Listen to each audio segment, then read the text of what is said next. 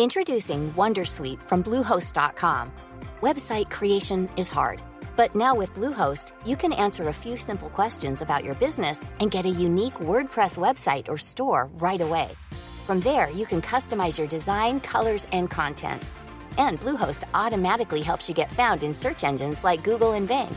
From step-by-step guidance to suggested plugins, Bluehost makes WordPress wonderful for everyone. Go to bluehost.com/wondersuite. Millions of people have lost weight with personalized plans from Noom, like Evan, who can't stand salads and still lost 50 pounds. Salads, generally, for most people, are the easy button, right? For me, that wasn't an option. I never really was a salad guy. That's just not who I am. But Noom worked for me. Get your personalized plan today at Noom.com. Real Noom user compensated to provide their story. In four weeks, the typical Noom user can expect to lose one to two pounds per week. Individual results may vary. Hej och hjärtligt välkomna till Teknikveckan. Peter Esse här och med mig i studion har jag Fabian Ruben. Hallå, hallå. Före detta redigerare av Macradion som vår podcast hette innan. DJ Fabbe. eh, varit en karriär som jag antar kanske inte... Du, du, du spelar inte så mycket för tre ungdomar på golvet längre eller? Nej, varken för tre ungdomar eller för någon tror jag. Nej, men corona var ju dödsstöten. Det, ja, såvida det var någon slags DJ-karriär. Men eh, jag försörjde mig under, ett tag under min, eh, mina studieår eh, som eh, läkare. Eh, då så försörjde jag mig eh, som DJ. Spelade, kuskade runt på eh, bröllop och på firmafester och sånt där. Det var jäkligt kul. Men ja, jag fick avveckla det lite gradvis, har jag faktiskt gjort över åren. Jag tror hemsidan ligger kvar, så googlar man på mig så kommer man den nog fortfarande upp. Men, eh, men eh, nej, eh, nu under corona så blev det ju totalt stopp för, eh, för allsköns eh, spelningar. Så är det ju. Smarta hem-entusiast, Tibber-fan. Vi ska prata mer om det.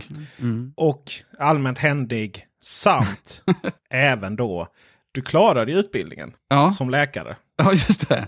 Ja. Och har jobbat som, eh, ska vi se här, nu vet jag att det är väldigt känsligt inom de här områdena. Men säger man allmänläkare? Mm, kan man göra. Det, det är inte fel.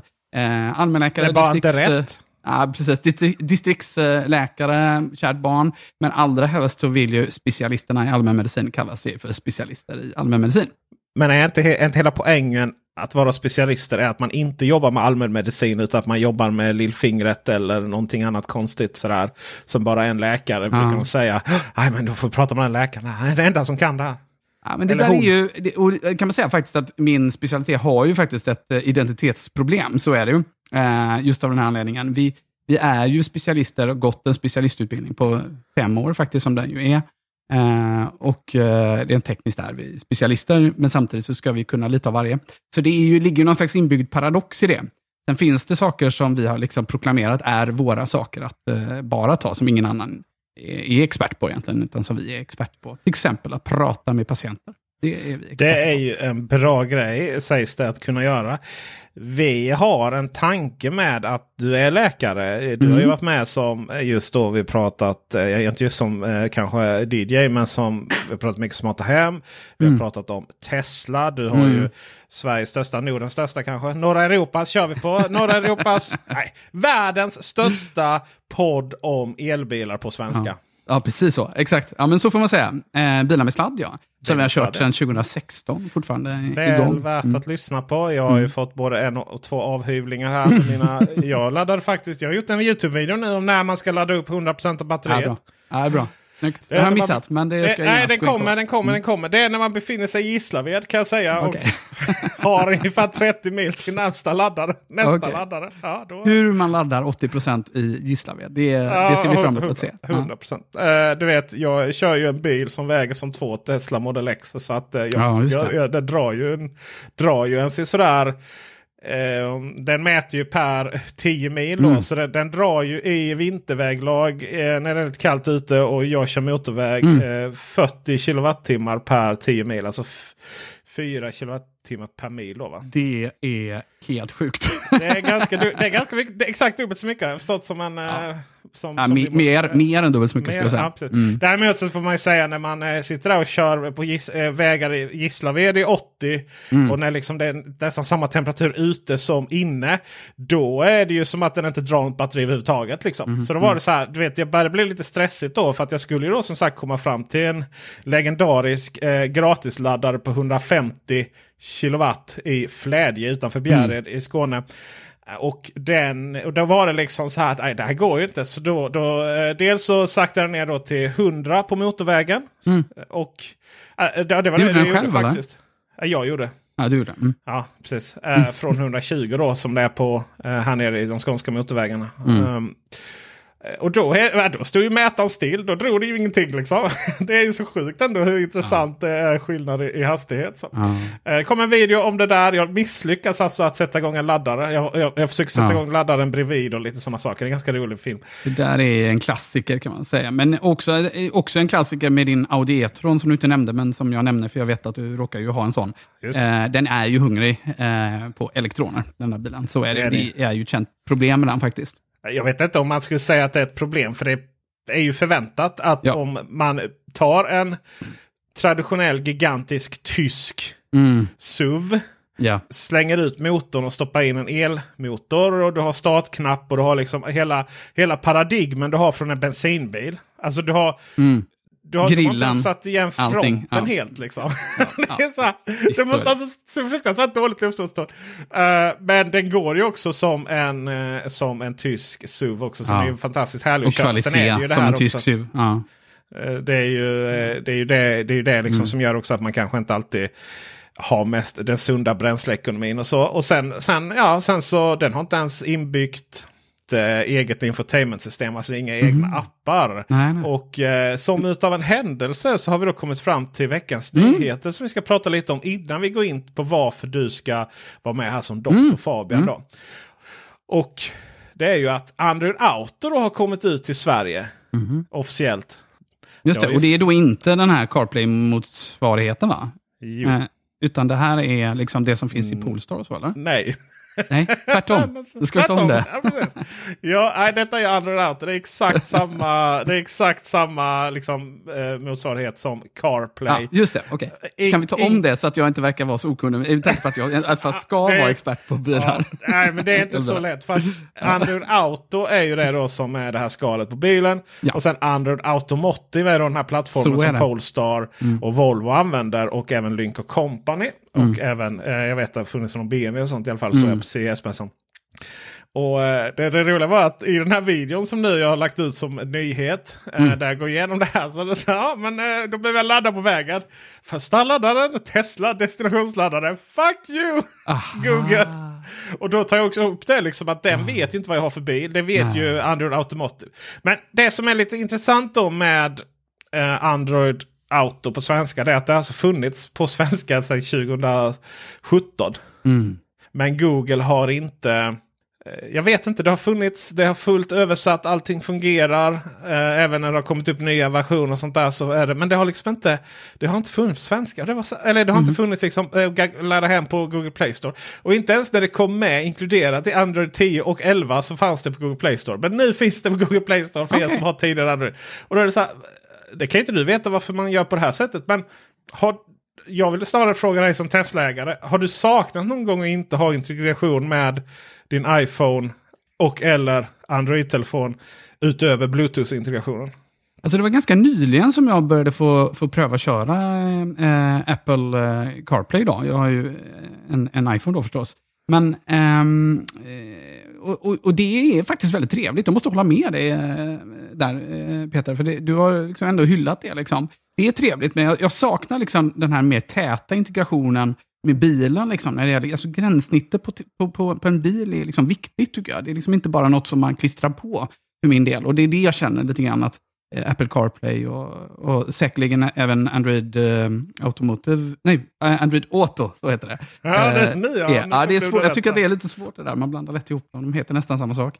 Men, ehm, eh, nej, så att, eh, det finns fördelar med det, men alltså, har man ett så extremt bra gränssnitt som Teslorna har, då saknar man ju inte det överhuvudtaget kan man ju säga. Ehm, sen finns det ju massa buggar och sånt hos Tesla också. Och så. Men Nej, svaret är nog nej i och med att jag kör Tesla. Det får jag säga. Det som jag framförallt, det finns två saker som jag vill repa Tesla-lacken för. Eh, det är så vi gör, vi som kör tyska bilar. Mm. Vi, vi, vi, vi kör, Det är, vi, vilket inte är så svårt för det är väldigt tunn lack på de bilarna. Ja, okej, vi vi oss inte liksom att och, och ge amerikanska bilar det här. Utan nej, det ska repas lacken. Mm. Ehm, det är ju att den har infotainment, alltså bilens vad är det, 42 volts system eller något sånt där i en Tesla antar jag. Eh, Mm. Ihopkopplat med batteriet på ett annat sätt än vad det är i resten av bilarna. Så att ni får ju inte den här att nu får vi stänga ner systemet här för att eh, spara ström. Annars så tar batteriet slut. Men fan, jag står ju inkopplad på 150 kilowatt. Hur kan, hur kan batteriet Mm. ta slut i bilen? Ja, det är ju inte det batteriet. Va? Så där sitter ni och kollar på era. YouTube-filmer. Eh, Jag tror att det är laddar 12 era volt fortfarande på, på Okej, Teslorna. ja. Men det, det är ju helt riktigt alltså. Eh, det sitter ju ett helt vanligt bilbatteri i elbilar också. Ju, eller hur? Eh, och det. det. ska då helst laddas över från det stora batteriet. Men det är inte alltid det gör när man står still av någon anledning. Det där är ju egentligen bara mjukvara förmodligen. Eh, Så att det där går ju att lösa. Det är faktiskt hårdvara. Jaha, ja. eh, som eh, det finns. Alltså, du vet om man, om man sitter där och ska bygga en bil. Eh, och så sitter man där på internet. Okej, men vad, vi ska bygga vår nya bil och då behöver vi klicka hem eh, 15 000 sådana här. Och vi behöver klicka hem den här. Och så står det så här. Den där magiska lilla omvandlaren mellan bilbatteri till ja, 12 volt system eller 48 volts system som det är i till exempel det är Volvo. Så. Mm. Det är ju det som krånglar för övrigt. därför de blir stillastående. Ja, men den här, omvand- den här lilla eh, adaptern där emellan. Ah, vi hoppar den. Den kostar ändå fem öre. Liksom. Ah, det, den, den är inte beställd. där. Nähä, nej, så då, då, då sitter man där och laddar och, så, och lyssnar på musik eller någonting. Och så bara hej, vill du koppla ner skärmen här så att inte du blir strömlös ditt as? Eh, nej, det vill jag inte. Och det är ju det ena som gör att... Men vänta ett tag, när laddar den då? För jag menar, någon gång måste det ju laddas. När du kör. Ja, det är bara när jag kör. Ja, men det är ju konstigt. Det är ju precis som alla andra bilar. Det är ju så här. Ja, det är konstigt. ja, men det är ju, det är ju, det är ju för att bygga, det är fortfarande så att till exempel den här E-tronen. Jag vet faktiskt inte om den har för jag har aldrig fått det på E-tronen. Men på Volvo-bilarna, både plug-in hybriderna och på Polestar och elbil, eh, Volvo elbil så har de den. Att, alltså det är som vanligt. Och det känns som att det fortfarande är så att den här plattformen den byggdes en gång i tiden med bensin, diesel och eh, hybridplattformarna, eller p- hybridlösningarna in mind. Man tänkte inte på ren elbil och så vidare och så har man fått lösa det. Det är därför man har kardan, kardaltunnel och lite Ja, sådana och jag saker. kan säga att direkt när jag sätter mig i en bil, eller vet du vad? Redan när jag ser den på avstånd så kan jag säga, nej, det här är ingen riktig elbil. Nej, Liksom. det är ingen riktigt, nej. För det, ja, men det är så jag känner kring det. När man inte har tagit elbilstänket hela vägen, man har inte byggt den från grunden och upp som en elbil. Polestar som faktiskt inte är, är byggd som en elbil hela vägen upp, lurar faktiskt mig ändå, måste jag säga. För den är så liksom välgjord eh, och översatt, måste jag säga. Jag tror att det är ju sista... Det där är ju en plattform då man kom på det där i slutet. Så det är Mm. därför den lurar dig. Och det är också därför man har en kanaltunnel överhuvudtaget eh, på den bilen. För att man tänkte det att shit vi måste kunna få plats med batteri. Man presenterar ju den plattformen till och med med ett batteri just där. Alltså liksom i, Ja, i, i animeringarna så har man ett orange batteri. Eh, men, eh, och sen det andra är ju det här liksom att okej, jag ska från A till B, men då får du stanna där och ladda. Liksom. Jag får ju verkligen sådär, nej jag vill inte ladda där, nej jag vill inte ladda på Ionity för det kostar eh, 10 kronor. eh, för att jag har inte aktiverat mitt Audi, eh, Audi Charge Card som ger mig, ger mig 3,50 på dem i ett år. Liksom. Eh, nej, då vill jag ladda med någon BE-laddare någonstans där i Falkenberg. Så får hålla på sådär och i olika synsar. Det, det är de två grejerna jag, jag verkligen skulle vilja. Det är ju halva upplevelsen. Jag skulle nästan vilja säga att de, de enda riktiga elbilarna som eh, som är byggd som elbil, känslan av det eh, som jag liksom själv har provat är ju Ja, alltså jag skulle säga Honda i, eh, men Mm, framförallt kul bil. ID3 Mm. ID3-plattformen. Liksom. Ja, och Tesla Eh, förstås. Ja, alltså utöver Tesla, men det var ju underförstått eh, Mm. Fabian. Skaffa, skaffa ett själv, Tesla självkänsla. Men jag måste säga liksom att det är ju den här biten som Tesla har löst. Det, är Ja, det är ju- det. det här är ju aldrig ett problem för oss Tesla-förare. Det är ju så. Så det, det är bara att beklaga och hoppas att, eh, eh, att Ionity taggar ner sina priser lite grann och skärper sig och att eh, kanske Tesla skärper sig och släpper in lite andra tillverkare på deras eh, se, vi laddningsplattform. får väl se. Eh, Det finns ju, de släpper ju in, men då är det vissa krav som gör att det är svårt att Ja. eh, gå med på. Till exempel att du aldrig får stämma Tesla och lite sånt. Till exempel, ja. Precis. Ja. Mm. Eh, vi ska se om vi kan gå igenom en till nyhet här utan att vi lyckas komma in på Tesla. Eh, Google eh, Nest Hub 2 kommer till Sverige i maj. Och den stora nyheten med den är ju att du kan ha den vid ditt sängbord. Och det är alltså inte den, eller jo sängbord heter det. Det är alltså inte den som har kamera i sig. Utan den, den, den sitter inte där och tittar på när du ligger och läser dina Harry Potter-böcker. Men däremot vad den då har är att den eh, via radar eller något liknande följer din sömn då. Alltså det vill säga, det, det är antar att det är hur du rör dig i eh, sängen. Och Fabian Ruben, behöver vi ha in mer sensorer i sovrummet? Alltså jag vet inte, jag har en god vän som eh, hade på sig sin Apple Watch eh, vid ett mer eh, erotiskt tillfälle i sängen. Ja. det han hade glömt var bara det att han också delar träningsdata med alla sina kompisar, bland annat mig. Eh, så att vi var ju några stycken som undrade varför han hade ställt in, för han var väldigt nyfiken att se hur många kalorier det där gjorde av med. Eh, Mm, det kan man ju förstå. Ja, det, var liksom, det, ja, men det kan jag också relatera till. Det är ju spännande att se. Då hade han matat in yoga på sin Apple Watch. Och eh, ja, då fick vi ju alla en notis där, 01.30, om att det gjordes yoga. Och då blev vi lite fundersamma och frågade vad det, vad det var för något. Så det var ju pinsamt. Nej, svaret är väl nej. Jag, det beror ju på. Det finns ju alla de här smarta apparna och, och, och så som mäter din sömn och så. Och jag tycker det är jättekul med hälsoappar.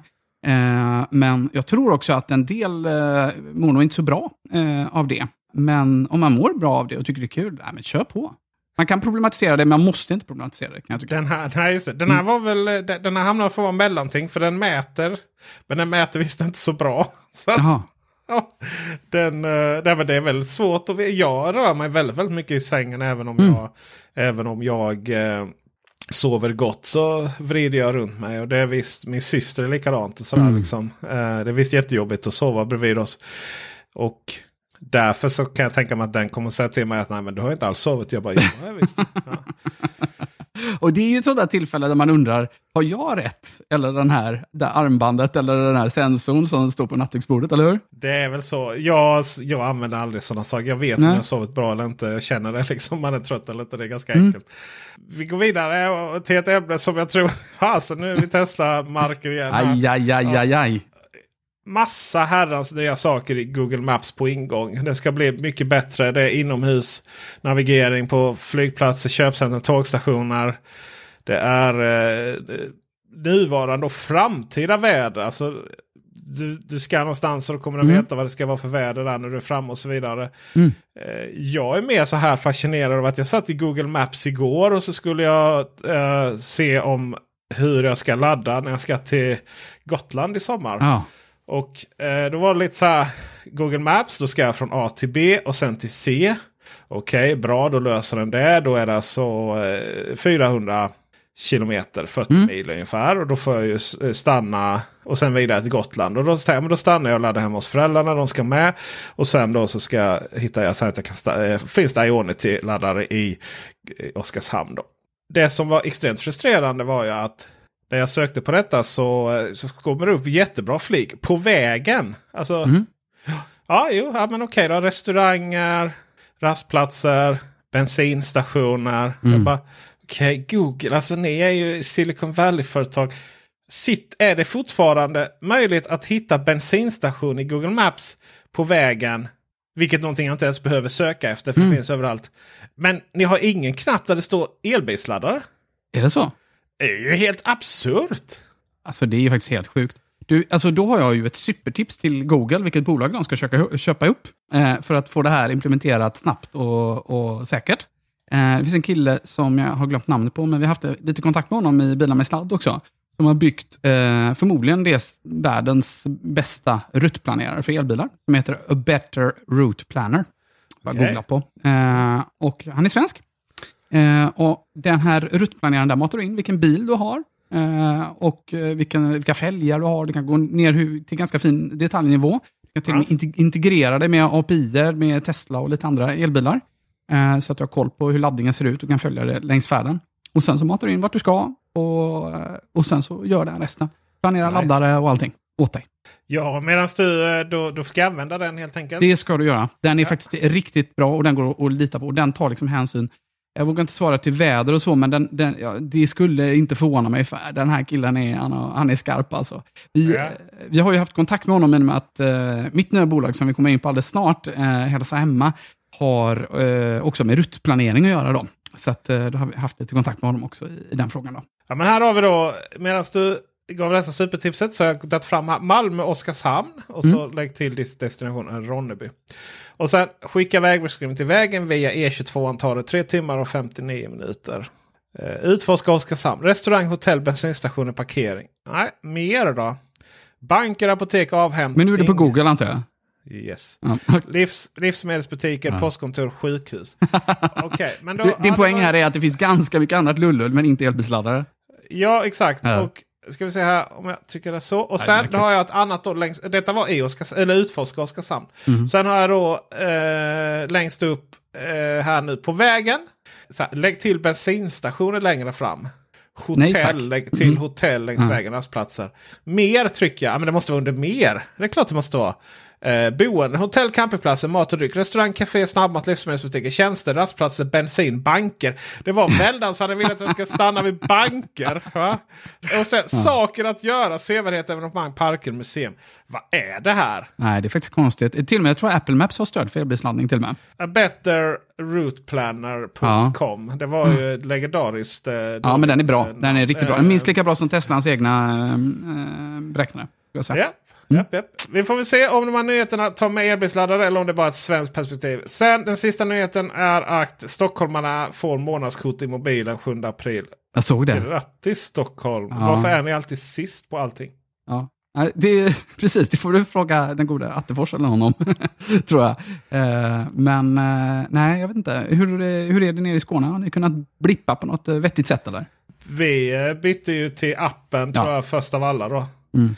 Tyvärr på grund av Apples trams. Vill säga att, att det inte man får tillgång till NFC. Eh, För om du inte så här typ myndighet och någon folkomröstning eller någonting i Storbritannien och Mm. någonstans till.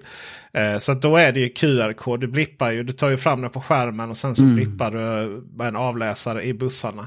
Men de, de är skåningar, blixtsnabba här nere i Skånetrafiken. Det var där Corona kom så stängde de eh, bussarna längst fram på två eh, röda sekunder. Och sen så just tog det ytterligare två dagar då för att flytta bak eh, de här sensorerna eh, och gå in där bak istället. Ah. Oj, på två dagar bara? Oj, Ja, det är, bra. för att eh, jag fick en utskällning att jag inte blippade. Jag bara, men den var ju inte här för igår liksom. Ja, det var snabbt. Ja, precis. Ja. Och, nej, men du, du liksom köper vad du vill ha. Om du vill ha en enkelbiljett, 24 timmars biljett, eh, ännu längre, Mm. för 42. Och sen så om du vill ha då 30 dagar. Du kan även låna ut dem och sånt. Sommarkortet är ju väldigt populärt att köpa. Det är rätt billigt och sommaren. Och så kan du låna ut det. Mm. Eh, däremot så kan du inte låna ut det, klicka runt och låna ut hur mycket som helst och, och så. Utan det är rätt många du får bara låna ut ett per, per dygn och sånt. Men, Mhm. ja, men jättesmidigt. Så, kul, men kul för stockholmarna. Eh, Mm. Grattis! Det är igång den 7 april. Sist Det jag åkte eh, buss i Stockholm, ska jag säga, då var det ju sådana pappersbiljetter som typ Remser de hade hur stämplade. länge som helst. Ja, det är helt sjukt. Ja. Du, på tal om Stockholm så eh, har, ju, eh, har man ju haft lite problem med deras skolplattform där. Mm, just det, det har vi, just, ja just det. det var några som busade till det där hörde jag, som, hade, som ni intervjuade, som hade byggt eh, en egen eh, app byggt på deras API. Visst var det Eh, så? fro- Fronten, ja precis Ja. för att ansluta. Som löser sådana här saker som... Du vet i slutändan kommer det här, handlar det här om information som lärarna skickar ut om, om skolutflykt och så vidare som, som, ska, som kostar en miljard. Ihop med väldigt mycket andra funktioner. Det funkar ju helt enkelt inte. Det är katt och råtta-lek och det är bara hur otroligt dåligt hur staden har hanterat det. Mm. Eh, när vi diskuterade detta så kom vi också in på eh, Region Skånes Mm. Sjukvårdssystem. Som Mm. ju, man är så stolt. Det ska bli Millennium. jag vet inte vilk- ja, Mm. Millennium. Det är Så så, när- det är eh, så Millennium. hybris namn liksom. Mm. Och det ska Ja. då bli liksom det största systemet to rule them all. Mm. Och det kommer vara jätte, jättebra. Och allt vi har hört nu eh, liksom rapporterat som har varit att vissa eh, Vissa specialister då, inte dina kompisar på specialist inom allmänmedicin utan andra delar då. Ja, det finns inte stöd för det i det här i det här systemet. Som man då har köpt upp. Jag hoppas du kommer kunna berätta lite mer om vad det egentligen man har köpt Mm. upp. Och sen så, eh, men man får inte heller samköra med andra system. För det finns principbeslut om att inte använda då API då på det här sättet. Och nu så eh, nyss som hände här var att nej, vi kan inte testköra det här systemet. För vi kan inte garantera att den här informationen inte vid externa fall begärs ut av amerikanska myndigheter. Och patientdata Fabian Ruben, du som är läkare. Jag har förstått att det är lite känsligt. Ja, det är lite Det är känsligt. lite hemligt, Ja, lite grann. Så Ja. är det. Mm. det finns en och annan lag som reglerar det. Och det är ju lite viktigt för våra patienter att de kan lita på att saker inte läcker ut och sådär. så Just ju. precis, Mm. precis. Och då är, har jag fått höra ryktesväg här några gånger att du brinner alldeles särskilt för IT i vården. Ja, det stämmer bra det. Jag, jag kan avslöja att en och annan stackare som har suttit bredvid mig på den tiden man kunde ha bröllop och sånt har liksom blivit utsatt för föreläsningar i det här ämnet. Eh, nej, men vård-IT är någonting jag verkligen, verkligen eh, brinner för. Det är lite av min eh, verkliga specialitet, får man faktiskt säga. Eh, jag är ju eh, utvecklare och eh, självlärd sådan, ska vi väl säga, i och för sig, eh, och eh, driver Eh, Eh, för, full, eh, sån här, eh, för full transparens så ska jag säga att jag driver ett bolag som samarbetar, med alltså en kund till mig, stor kund till mig, är ett annat journalsystem än just Cerner Millennium då, som vi just nämnde. Eh, plus att jag ju driver Hälsa Hemma, har precis eh, startat upp eh, det här startupbolaget där vi eh, åker hem till patienter och optimerar för att kunna åka hem till patienterna som en app kopplat till det i Göteborgsregionen. Då. Men vi planerar att komma även ner till er i Skåne och till Stockholm inom kort också. Men visst, det här är ju verkligen och har blivit en eh, lite trendig sak de sista åren, vilket jag tycker är väldigt kul. Att äntligen, äntligen är det våran tur att digitaliseras på riktigt. Liksom. För det som hände på 90-talet, eh, det, det blev inte alltid så bra, kan man säga. Då. Eh, Det, vad händer då? Nej, men, eh, och, ska vi ta det från början? Hur mycket tid har vi? Ja, kör liksom. För att sen så sen, sen därefter när vi har problematiserat allt detta. Mm. Då ska vi dessutom komma in på lösningen då som ju är då det, ditt, ditt nyss nämnda hälsa hemma här. Så, men precis. så att för varje, varje grej du liksom problematiserar ju mer har du att lösa sen. Ja, men så är det. Eh, ja, men, eh, en gång i tiden när man bestämde sig för att gå från de här pappersjournalerna, där någonstans på mitten av 90-talet skedde, eh, på lite olika tider. Man var ändå ganska snabbt på det här då. Då, ehm, då frågar man förstås läkare och sköterskor och så, vad är det ni vill ha? Det man vill ha är det man känner igen. Eh, och det är i regel då en pappersjournal. Så att i princip alla de system som byggdes är eh, att man simulerar en vanlig pappersjournal egentligen. Eh, det är ett slags Word-dokument, fast mycket sämre än Word redan då. Eh, och så är det liksom möjlighet att kunna läsa det och läsa prover och läkemedel och sånt i olika delar av ett eh, sjukhus och så. Problemet är att det här skedde i olika etapper och det var många inblandade. Och det gjorde att alla köpte in sitt egna lilla system. Så ganska snabbt förstod man ju att här behövs ju ett behov att kunna prata med varandra. Då. Varför har man ett behov av att prata med varandra? Det kan låtas, Ja, det kan låtas dum fråga men jag tänker vilka är det som inte kan prata med varandra och som behöver prata med varandra? Ja, men precis. För att det är ju de här systemen vi lever med idag, så jag tror att ändå en del av er kan känna igen det här. Att det inte alltid känns som att vården riktigt vet vad de håller på med. Eh, att ibland faktiskt är så att eh, vi inte riktigt vet eh, vad är det som händer på sjukhuset egentligen, om du har varit där på akuten. Vad var det som hände där egentligen? Inte. Ja, måste vi fråga om det. För det är nämligen det absolut lättaste sättet för mig att, att ta reda på det. Det finns sätt idag för mig att ta reda på om du har varit på akuten, Peter, och du kommer till mig sen till vårdcentralen, för de har sagt nej, du får gå till vårdcentralen, sa de, på akuten. Eh, men då har jag i regel inte något underlag alls framför mig. Det finns lite system jag kan logga in i, men det är ganska krångligt och tar en massa tid. Så, Men det här 1177, jag ser ju mina journaler Ja, jag vet. 1177. Så att, ja, precis, nu går vi, sp- spolar vi fram tiden här lite grann. Okej. Då, men men eh, vi, kan, vi kan komma dit, till, till eh, den nationella patientöversikten och, och eh, 1177 som i viss mån då hänger ihop. Då. Väldigt mycket var centrerat kring journalen här på 90-talet. Och, eh, det var också så att på 90-talet, för er som levde då, höll på att säga, eh, då hade vi en helt annan par paradigm inom mjukvaruutveckling. Scrum var inte upptäckt, eh, till exempel. Det var inte uppfunnet eh, än då. Eh, och vill man veta mer om hur Scrum fungerar kan man ju titta på den utmärkta serien Silicon Valley till exempel, eller hur? Eh, har du sett den? Absolut. Absolut. Och om man sammanfattar hur mjukvaruutveckling såg ut på 90-talet så var det väldigt mycket så att det fanns en beställare som sa så här, det här, de här, den listan med de här funktionerna så ska systemet ha. Och sen så hade man då en massa utvecklare då, som kodade detta och såg till att det eh, blev som det var beställt ungefär. Och, och sen så hade man lite testprocesser och sen så slängde man ut detta då i produktion. Då. Det som var gemensamt egentligen för nästan all mjukvaruutveckling på 90-talet var att alla var ovänner. projekten blev alltid försenade och projekten blev alltid dyrare än vad man tänkt sig. Och det här berodde helt enkelt på att man inte hade liksom en feedback-loop tillbaka till användarna. De som faktiskt skulle använda systemet, eller kunderna. Eh, om det var ett, eh, ett vanligt eh, bolag som producerade något eller så.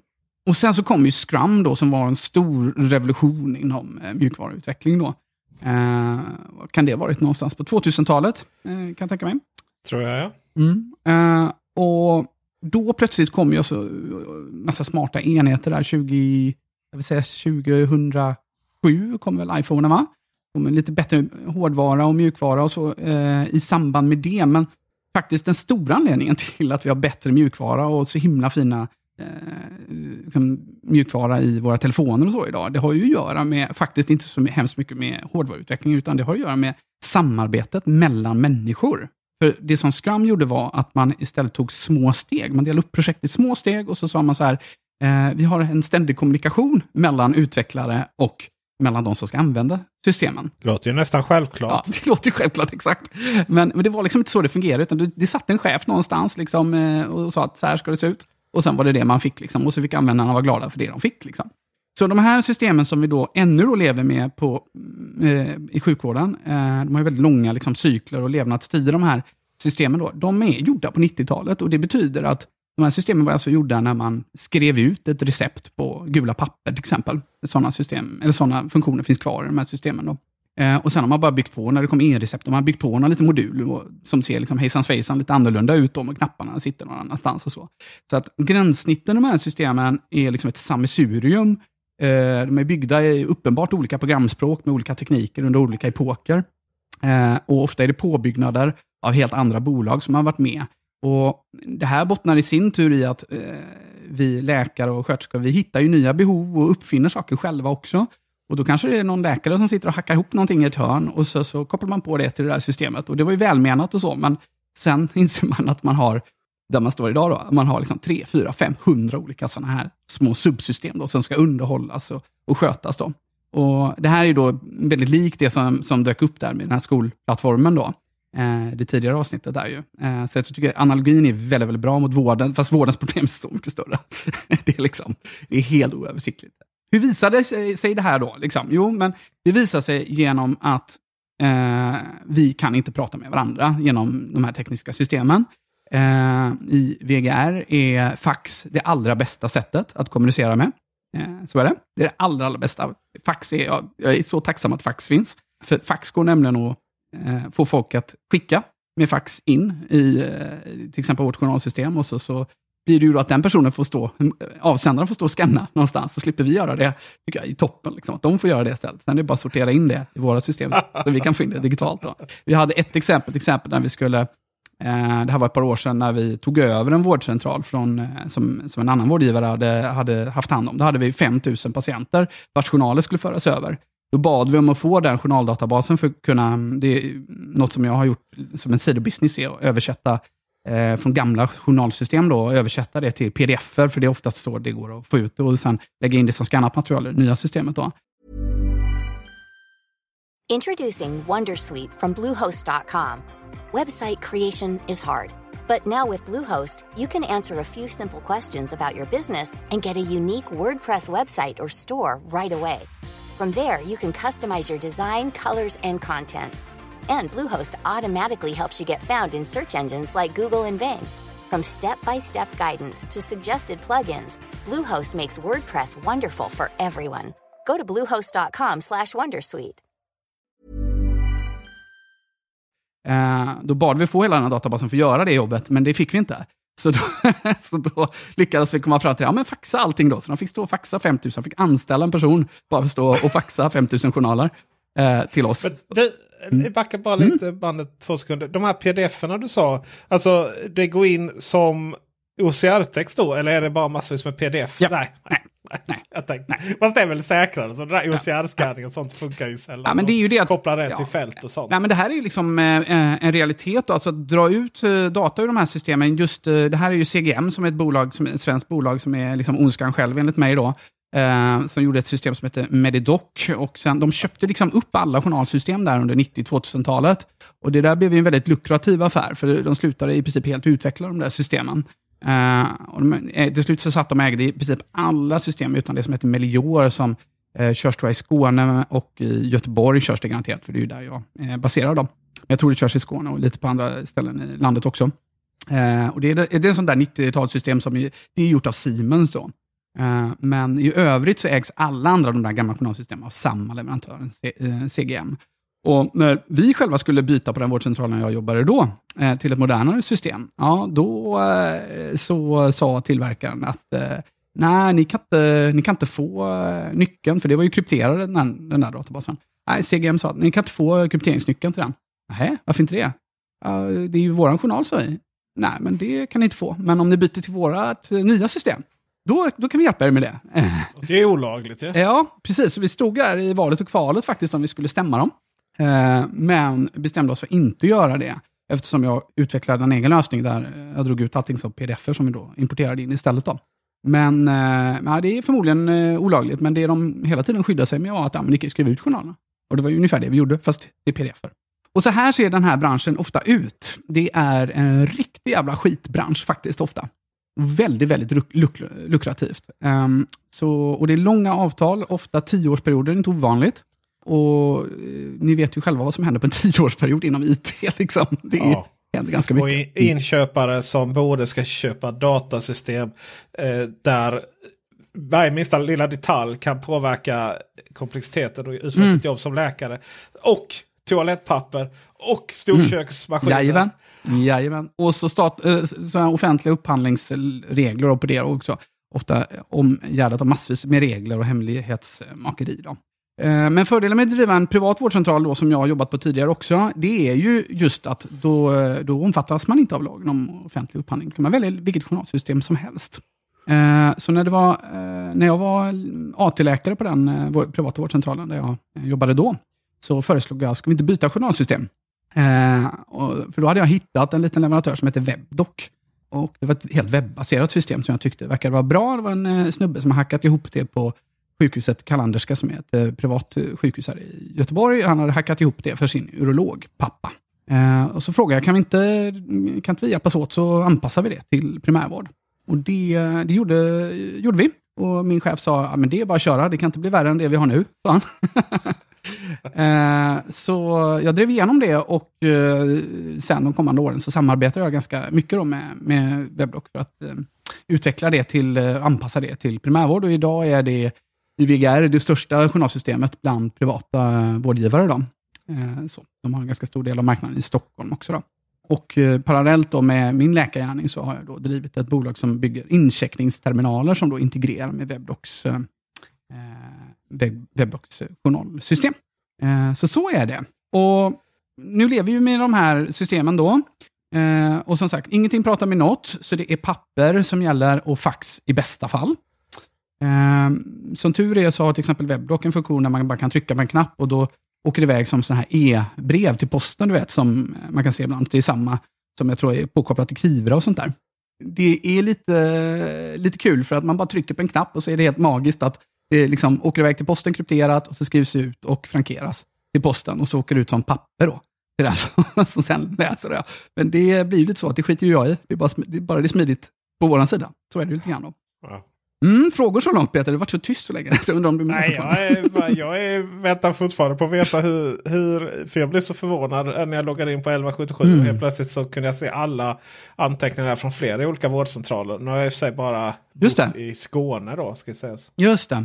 Mm, jo, men alltså, eh, det där är ju då ett projekt som infördes. Det är inte så gammalt ändå. Det kan vara, vad kan det vara 5-10 år gammalt. Eh, Ja, inte mer än fem kanske. Och mm, det, det man har gjort nu då, det här tycker jag är en ganska bra approach egentligen, även om det gjordes på lite märkligt sätt då. Ehm, just det här, om vi börjar med den här änden att patienten ska läsa sina egna journaler. Ehm, jag frågade en tysk professor det en gång som var och föreläste för oss om journalhantering. Ehm, så har ni det i Tyskland, att eh, medborgarna kan logga in och läsa sina egna journaler. Han förstod inte frågan, kan jag säga. Och så fick jag förklara någon minut för honom att alltså, våra invånare kan logga in och läsa sina, vadå på nätet sa han. och det visade sig att i Tyskland så är det liksom, det, det krävs överläkarbeslut för att man överhuvudtaget ska kunna få ut sina journaler. Ja, ja det, alltså det är ju, jag har inte läst så. Jag, ja, men du vet, man vill inte ens läsa vad någon har skrivit om en. Liksom, typ. Ja, alltså det här var ju lite kontroversiellt, därför att journalen är ett arbetsverktyg för oss som, som har kommit till då att eftersom ingenting pratar med något så är journalen liksom ändå en central plats då och allting är byggt kring den. Så vad är journalen egentligen? Jo, men alltså, det är ju dels ett dokumentationsredskap, alltså rent lagligen, så att inte jag ska bli av med min legitimation, att det syns vad jag har gjort och eventuellt inte har gjort. Eh, och diagnoser och sånt som sätts. Men det är ju också så att nästa person ska kunna ta upp tråden nästa gång. Liksom. Så att om jag har någon tanke om någonting så ska det finnas med där. Så att den personen kan plocka upp det eh, nästa gång och läsa det. Då. Och det funkar ju bra när man är på samma enhet, eh, på samma vårdcentral eller så, eftersom man då ju har samma system. Eh, men det är ju också liksom, eh, det, det, är också kanske en, en, del av en remiss till någon som är helt utomstående som ska, ska läsa det där. Alltså den fyller många olika funktioner och en minnesanteckning till mig själv dessutom. Så att jag ska kunna, kunna plocka upp min egna tråd nästa gång jag träffar patienten. Vi har kanske haft tusen patienter eh, emellan. Och i det så ska då patienten in och läsa. Och jag måste erkänna att jag var rätt så ordentligt emot det när det, när det kom. Sen gjordes det lite studier i Uppsala, om jag minns rätt, som visade att eh, det var inte så dumt faktiskt att visa journalen för patienterna, för de blev mer engagerade i sin vård. Förvisso var det några som missuppfattade eh, de, de journalord vi använde. Alltså, problemet med journaltext är ju att det är helt vanliga svenska ord. Eh, I regel lite så här, eh, medicinsk språk i Sverige är en blandning av tyska, dålig latin och engelska och svenska i denna enda virvar. Och det är väldigt lätt att missuppfatta och tro att man förstår vad som står där. Jag vet själv att jag läst min egen journal innan jag var läkare och förstår nu att jag har helt missuppfattat det. Det kan vara så här, patienten förnekar ont i axeln. Då kan man tänka sig, oh, han är i förnekelsestadie här. Han, han, han, han, har inte, vet, kan man ju lätt missuppfatta. Det betyder bara att ja, men, han har inte ont i axeln. Han säger att han inte har ont i axeln. Det är det enda det betyder. Liksom. Så att vi använder svenska ord och uttryck lite märkligt. Liksom. Eh, man kan skriva, eh, eh bedömer att patienten är förtjänt av den här och den här behandlingen förtjänt det, av. Jaha, skulle jag inte vara, vara, vara värd den behandlingen? Liksom, så. Det är inte men det, det är ju menar. lite som det här, alltså, innan man förstod det här att du vill ju verkligen inte ha ett positivt testsvar. Om Nej, du har exakt, in, exakt. Om du har lämnat in för ja. eh, någon könssjukdom mm, eller någonting. Exakt. Eh, ja. den dagen ska vara väldigt negativ. Ja, Exakt. Ja. Men i vilket fall som helst, så, så den där Uppsala-studien visade faktiskt att det var ganska bra. Då, visst, det var en del som blev oroade över saker som stod som var onödigt och så, men i stort sett så var det faktiskt väldigt positivt. Faktum är att jag ändå får hålla med om det. Det har blivit ganska bra ändå, men vi som skriver, vi blir ju lite begränsade. Och alltså det kan till exempel vara ett fall om du är hos mig Peter och så har du lite mystiska symptom som jag inte riktigt förstår mig på, varav några kanske skulle kunna vara cancer. Då måste jag ju någonstans kunna förmedla det i journalen. Om jag eh, liksom själv ska kunna plocka upp den tråden eller en annan doktor träffar dig nästa gång. Då måste man ju kunna liksom få med det någonstans i journalen. Då. Eh, men samtidigt så kanske det inte är, misstanken är så svag att, liksom, att um, sitta och bolla det med dig när det är ett kort besök, vi kanske har kort om tid till exempel. Eh, det, det, är liksom svårt att kommunicera det med, med dig på ett bra sätt, vilket jag optimalt ska ju göra det, men det är, inte, det är inte alltid liksom det låter sig göras helt enkelt. Det, det är så det kan vara. Eller till exempel att man kommer på efteråt, efter att jag har träffat dig. Och så får jag inte tag på dig i telefon. Så på, Fasen, det där kan ju faktiskt vara liksom en malignitetsmisstanke ändå. Ja, men då, då, behöver det finnas i journalen någonstans. Och så går du in och läser dina journaler och så, och så blir du kanske jättechockad när du gör det. Då. Så det finns en del saker som är knepiga. Eh, men nu ska man ju veta att det finns fält i journalen som inte publiceras på 1177. Det kan vara bra att veta. Eh, det finns också väldigt många delar av journalen som man inte tänker på som patient. Jag menar, journalen är inte bara textjournal, utan journalen består också av kanske EKG, labbprover, massvis med metadatafält om dig som patient. Som i regel faktiskt, till och med när du begär, begär att få utskrift av det, som du ofta faktiskt inte ens får. Men som du, får, alltså, antar jag, har du rätt att få ut. Men jag är inte säker på att det alltid går ens att få ut all data ur alla system, om jag ska vara ärlig, med tanke på hur gamla de är. Så. Vad säger du om det Peter? Blir du chockad? Uh, nej, det känns ju som att det är alltid så här med offentliga system. Framförallt för att det är helt enkelt så att bolag blir specialiserade på att vinna de här upphandlingarna. Mm. Sen finns det andra bolag som specialiserar sig på att göra bra mjukvara. Ja, det är väldigt, exakt. väldigt sällan det ens möjligt att dessa två bolag är de samma. Ja, men det påminner lite grann faktiskt om bol- vissa bolag som blir liksom specialiserade på att skaffa riskkapital. Det, kan, det är lite samma sak där, eller hur? Det man, man, Ja, liksom, ja, man, gud, ja. ja. Man cirkulerar inte kring det här liksom, att faktiskt göra en bra produkt. Då, då har man ett problem, så är det ju. Jag läste om var det Odd Molly nu som hade beslutat sig att de skulle sluta sälja kläder och istället eh, jobba med fastigheter. Det var så här, okej men er kompetens har aldrig varit kläder. Det har liksom Ja. varit att driva bolag Ja. och få in pengar. Ah, ja. ja. Eh, oerhört intressant det där. Men du har då haft lite tankar om hur man faktiskt kan använda IT-system, koppla ihop saker och ting, eh, men också vara ute i och träffa patienterna. Berätta här nu om din, din nya, ditt nya äventyr. Mm. Det- som det också ska jag göra. sägas är lite uppbackat av eh, riskkapital också. Mm, Jag det är det. Det kan vi faktiskt också bemöta här, så den tråden ska vi plocka upp också. Ja, men det, det Du jag bemöter med det som, som om det var en anklagelse. Men i och med att du pratar, med läkare här nu så använder du lite konstiga ord. Jag ber om ursäkt, jag tror lyssnarna de är kompetenta nog för att kunna liksom hänga med här. De kan läsa sin journal. Nej, men eh, så här är det. Jag, jag driver ett eh, startupbolag eh, sedan drygt två år tillbaka, som heter Hälsa Hemma. Och våran eh, grundidé, kan man säga, är lite slarvigt sätt att göra Kry fast rätt. Eh, och det vi vill göra, det är att vi vill eh, göra digifysisk vård. Det vill säga vård som utgår från eh, en app och digitalt. Eh, men när det behövs, där vi också har möjlighet att träffa patienterna. För det finns ju lite problem med de här nätläkarna. Har du hört om det lite grann, eh, Peter Eller? Med de här eh, apparna menar du? Mm, med Min Doktor och eh, Kry och Doktor.se och allt vad de heter. Tänker du på, tänker du på Krys försök att göra en hostile takeover av eh, 1177? I Stockholm. Ja, i Stockholm. Ja. Eller Ja, tänker det, du på Mm. att de, de genom att vara otroligt otydliga med vad som hände i appen lyckas lista tusentals, om inte tiotusentals Ja. stockholmare just i deras egna vårdcentral? Mm. Eller eh, tänkte du på eh, att det faktiskt inte finns eh, någon empirisk fakta på att de här löser någonting. Eh, Det vill säga om man faktiskt överhuvudtaget kan eh, bedriva adekvat vård digitalt eh, genom en webbkamera. Eller tänker du på att de tar betalt för varje minsta lilla konstiga samtal med, med en eh, rådgivare som inte kommer längre? Eller vad, vad tänker du på? Ja, men, eh, egentligen mest det sistnämnda. Eh, alltså, Kry gör en del saker bra, nätläkarna gör en del saker bra. Jag ska säga att jag har jobbat faktiskt, eh, man ska lära sig av de bästa. Jag har jobbat för Kry under en period här och eh, jag måste säga att vissa saker är jag jätteimponerad av. De har tagit medicinsk säkerhet mycket längre tycker jag, än, än vad, jag vad jag trodde. Det finns bra rutiner för saker och ting. Visst, evidensen. Jag har själv eh, varit inne och sökt i diverse databaser här för ett drygt år sedan. Och evidensen för att göra saker på distans är sådär. Å andra sidan är det kanske inte så kontroversiellt om man tänker efter, för att vi har bedrivit sjukvård via telefon länge.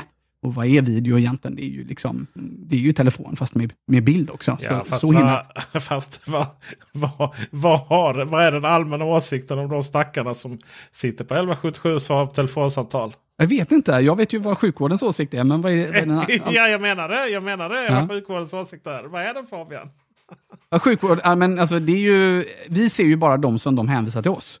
Så att det blir ju väldigt orättvist. Vi ser ju bara, liksom, jag menar, sätt dig själv i telefon och försök att bedöma om någon, eh, jag menar, försök att hjälpa någon med deras dator, Peter, något som du kan. Liksom, bara över telefon. Du vet ju hur svårt det är. Det är mycket lättare när man liksom kan stå över axeln eller åtminstone skärmdela, eller hur? Ja, men det här är lite roligt för att vi har ju känt varandra länge Fabian och jag. Och vi har ju haft just den här diskussionen. Och jag vet i början där för något år sedan, några år sedan. Så var du, tyckte det var liksom att de skickade in både kreti och Ja. pleti som ett Ja, utbudsvård. liksom.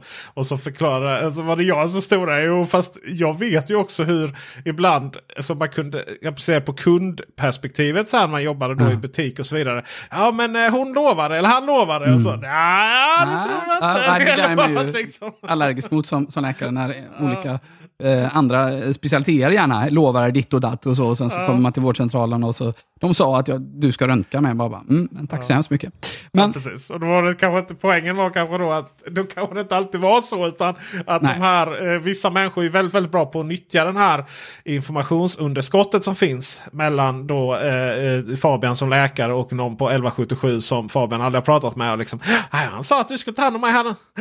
Japp, japp, ja. Men, men eh, du ska ta detta lite längre eh, oavsett eh, Mm. faktumet då. ja, men alltså, bara så att vi kokar ner det. Jag tycker att det finns eh, en del saker som, som nätläkarna gör bra.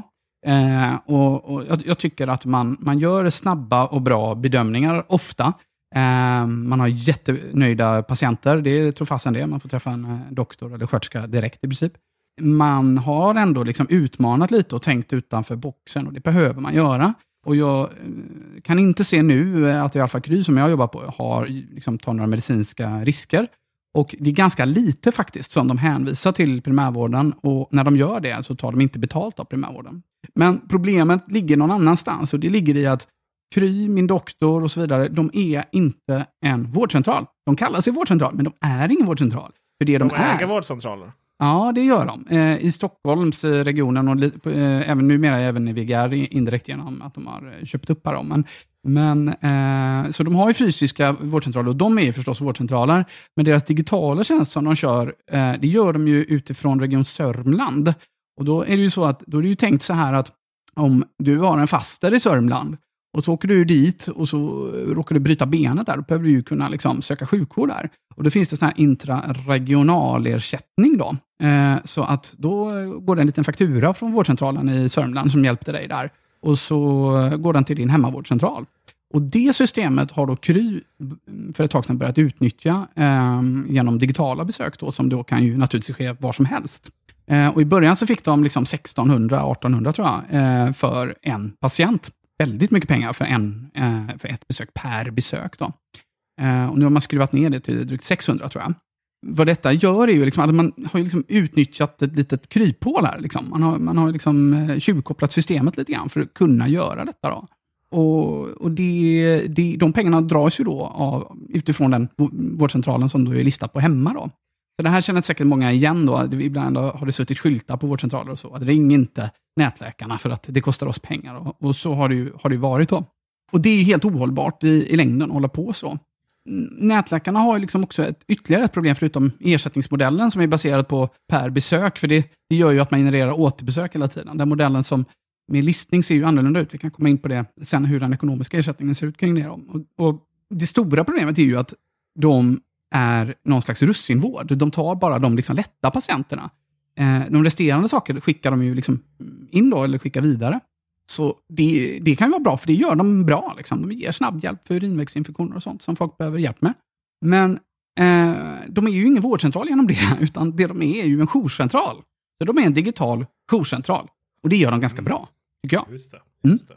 Men, men, det är inte liksom svaret på problemet i svensk primärvård. Därför att folk som på riktigt har sjukdomar och behöver träffa samma person, eh, samma doktor eller samma sköterska, som har sjukdomar där man fysiskt behöver undersöka patienten åtminstone då och då, ja, då liksom, det är värdelöst att ringa nätläkarna för det. Liksom. Så förutom att den ekonomiska modellen är dålig, och förutom att de inte kan ta hand om allt, så kan de då inte heller ta liksom helhetsansvaret för, säg en 85-åring. Det liksom går inte för dem att göra. Eh, det var spännande. Jag jobbade på Kry under tiden coronaepidemin förra året slog till. Och det var en stor skillnad med vilka som, som ringde in. Plötsligt när corona kom i ropet så var det ju plötsligt massa äldre som faktiskt hittade hela vägen in. Och det tyckte jag var väldigt spännande. Där vi står nu, där väldigt många har tvingats att skaffa bank-id, även äldre, och smarttelefon och så, eftersom de inte har liksom vågat att ta sig ut på samma sätt, kunna betala räkningar och så hemifrån. Ja, då, då står vi faktiskt i en lite annan miljö, vilket gör, då kommer vi till hälsa Hemma, vilket gör att eh, läget för oss ser eh, ännu bättre ut än vad det var när vi egentligen startade. Vi startade ju där även innan coronaepidemin. Då. Så, eh, det vi vill göra är vi vill liksom trolla bort väntrummet, precis som nätläkarna. Men vår idé är att vi har riktiga listade patienter. Vi är en vårdcentral. Vi tar inte pengar från någon annan. Vi är inte en nätläkare. Och Det systemet fungerar som en skolpeng ungefär. Vi får x antal kronor beroende på hur gammal du är eh, och vilket kön du har och ungefär vilka diagnoser som man sen sätter på dig. Eh, och Det får vi liksom oavsett hur många gånger du hör av dig till oss. Och Det tycker jag är ett himla sympatiskt ersättningssystem. För att det gör ju att om vi löser ditt problem Peter, om vi faktiskt hjälper dig och gör dig frisk så att du slipper komma tillbaka, ja då tjänar vi pengar. Hänger du med? Det är ju bra. Mm. Det känns som att det är lite så det borde funka. Ja, det är lite så det borde funka och allt fler regioner går åt detta. I Skåne ser det ut så här också och VGR tycker jag, det är inte perfekta systemet, men det är, det är väldigt bra. I eh, Stockholm går man allt mer åt det systemet också faktiskt. Du, varför, eh, varför just Region Sörmland förresten? När vi är inne på olika regioner. Jo. Det är ju det som gör det ännu värre, därför att där är digitala besök gratis. Så där har alla nätläkarna eh, nu eh, etablerat sig. Eh, och det gör då att det ironiska är att vi, om vi har ett videobesök med våra patienter, måste vi ta betalt 100 spänn. Men hos Kry är det gratis. Är inte övriga regioner lite eh, sura på Ja, Sörmland då? Eller? just det. Du kanske har hört om det. det eh, Västra Götalandsregionen har förklarat krig mot nätläkarna och eh, kommer vägra att, betala dem. Eh, säger de, men det där kan nog dröja innan det eh, tar effekt. Tror jag. Det ska utredas och sådär. Eh, Och det dröjer nog innan det, innan det verkligen händer. Eh, men så att Det vi vill göra är ju liksom ett svar på att faktiskt lösa liksom sjukvårdens eh, behov, alltså problemen i primärvården, med dålig tillgänglighet, för så har det varit. Svårt att få tag på en tid på vårdcentralen och patienterna vill ha snabbhjälp. Så det gör vi via vår Hälsa Hemma-app. Där startar man ett ärende och sen så är det liksom integrerat med vårt journalsystem och det är integrerat på vår sida. Så att vi försöker skjuta in så mycket som möjligt in i, vår, in i appen.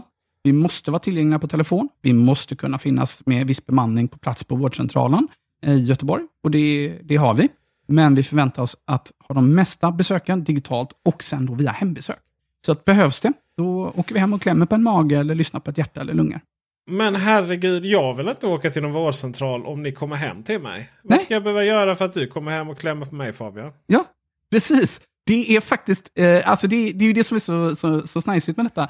Det är då startar du ett ärende i appen och är det så att vi hamnar där att amen, det här är, är liksom, det här kan vi inte släppa bara. Liksom, I det vanliga fall där liksom en nätläkare hade hänvisat till en vårdcentral, då, då planerar vi ett hembesök.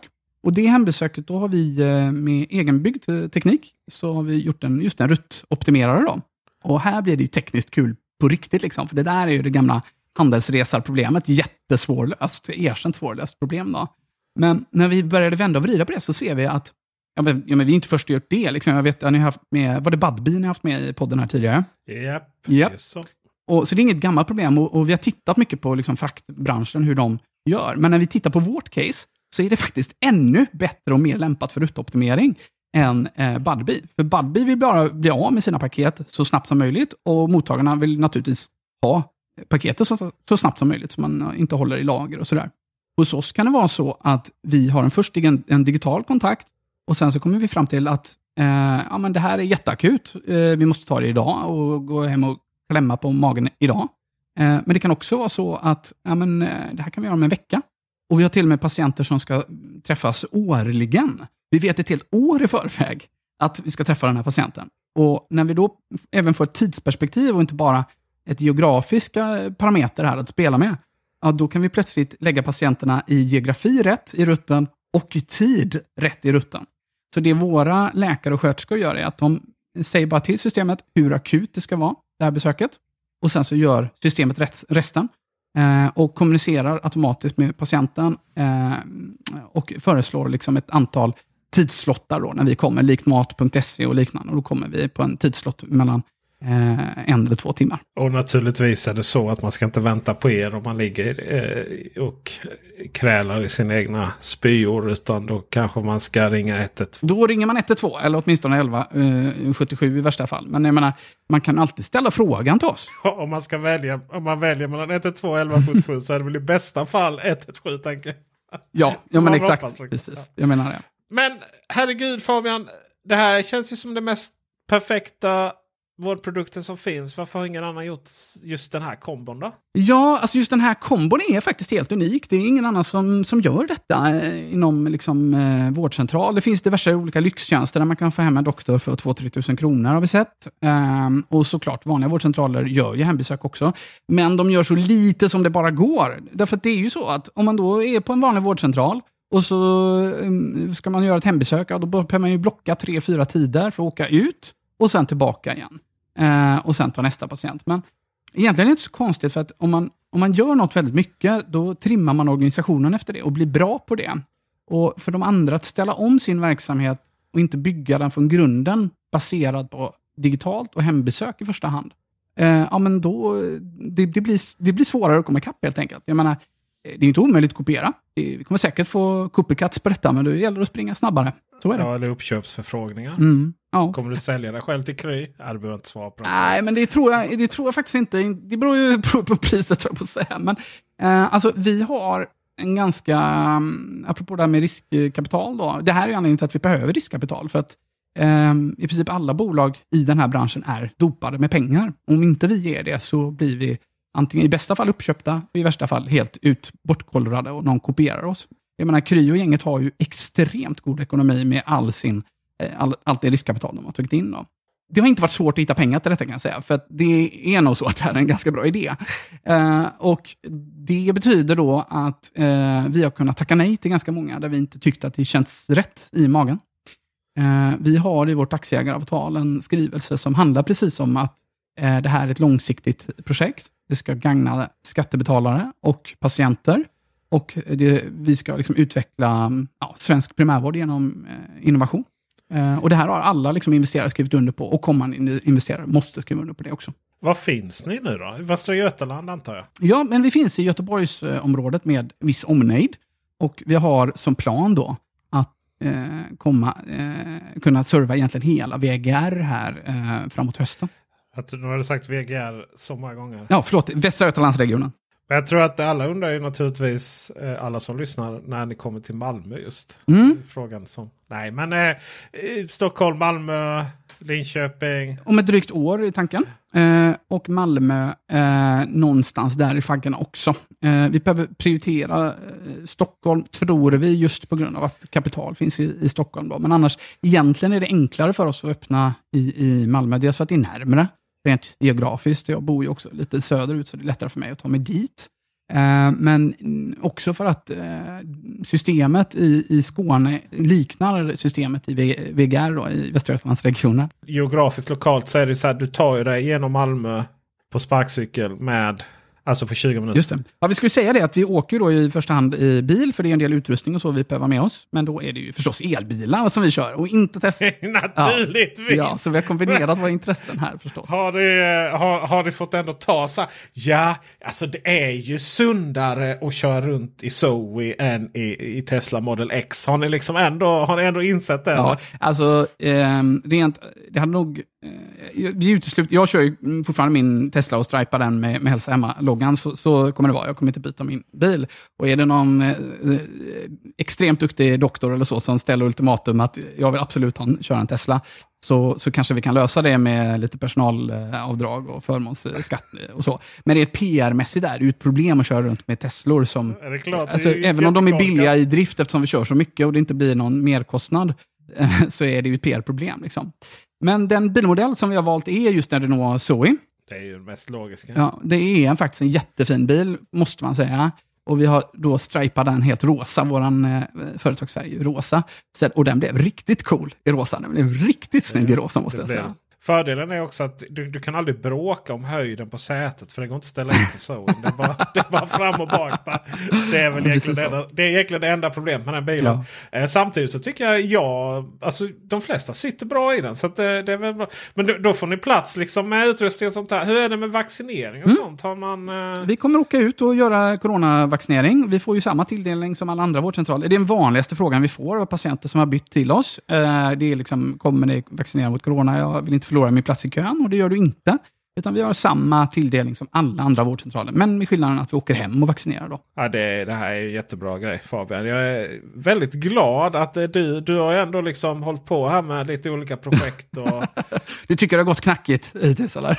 det var inte det jag säger. Jag säger bara liksom just det här det är så kul att, att se någon brinna för mm. det här. Och jag menar den här Eh, du hade liksom väntrum och sånt. Liksom försökte lösa det här. Hur, hur svårt det ibland kan vara att veta sin plats i kön. Ja, ja exakt. Ja, det, det, är riktigt. Jag har kretsat, liksom. Mina tankar har kretsat kring väntrum tidigare. Det är riktigt. Ja. Mm.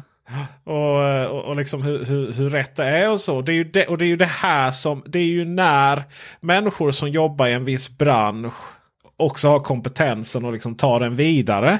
För att man vet både hur det är att vara i gruvan och man vet också om man har position och faktiskt förbättra då arbetet för alla inklusive sig själv. Så jag tror, jag tror verkligen det här kommer vara en jättebra idé. Och eh, lycka till säger jag. Tack så hemskt mycket. Jag kan väl säga det att det är just så här innovation tror jag måste ske inom vården. Det måste komma från golvet liksom någonstans. Liksom. Och, eh, problemet som när man köper upp Millennium. Har du sett Millennium förresten? Har du sett det? Nej. Det är vad det heter kan man säga. Det ser ut att komma från millenniet också kan man säga. Millennium. Innan millenniet. Ja. Eh, det ser ut som ett 90-talssystem då. Det, det, det får man verkligen säga. Men alltså problemet är ju, då har man just hamnat i det här, man har en beställare som beställer något, man har liksom hamnat där igen. Och tyvärr är det ju väldigt mycket min, mitt skråsfel, för att alla har ropat efter ett journalsystem. Läkarna har sagt vi måste ha samma journalsystem. Men det är ju egentligen inte, det är ju inte så man ska lyssna på användare, utan så man ska lyssna så här, aha, varför vill ni ha ett? Jo, för att de ska prata med varandra. Okej, vi bygger API-er som pratar med varandra istället. Så det projektet har ju väldigt stora chanser att misslyckas kan jag ju säga. Det är nästan så att man skulle ha en, ett avsnitt bara om det. Men, men det är väl korrekt uppfattat att det största problemet med det är att det är amerikanskt? Va? Det är inte det största problemet med det. Det är ett av de stora problemen som jag, som jag tacksamt ser har kommit liksom i ropet nu, eftersom det kan till och med vara en dealbreaker. Problemet är ju den här Cloud Act i USA som säger att i princip alla eh, amerikanska bolag och deras eh, utländska dotterbolag har skyldighet att lämna information som de har eh, om då amerikanska myndigheter kräver det. Eh, och Det kan de göra då helt tyst utan att behöva säga det till någon egentligen.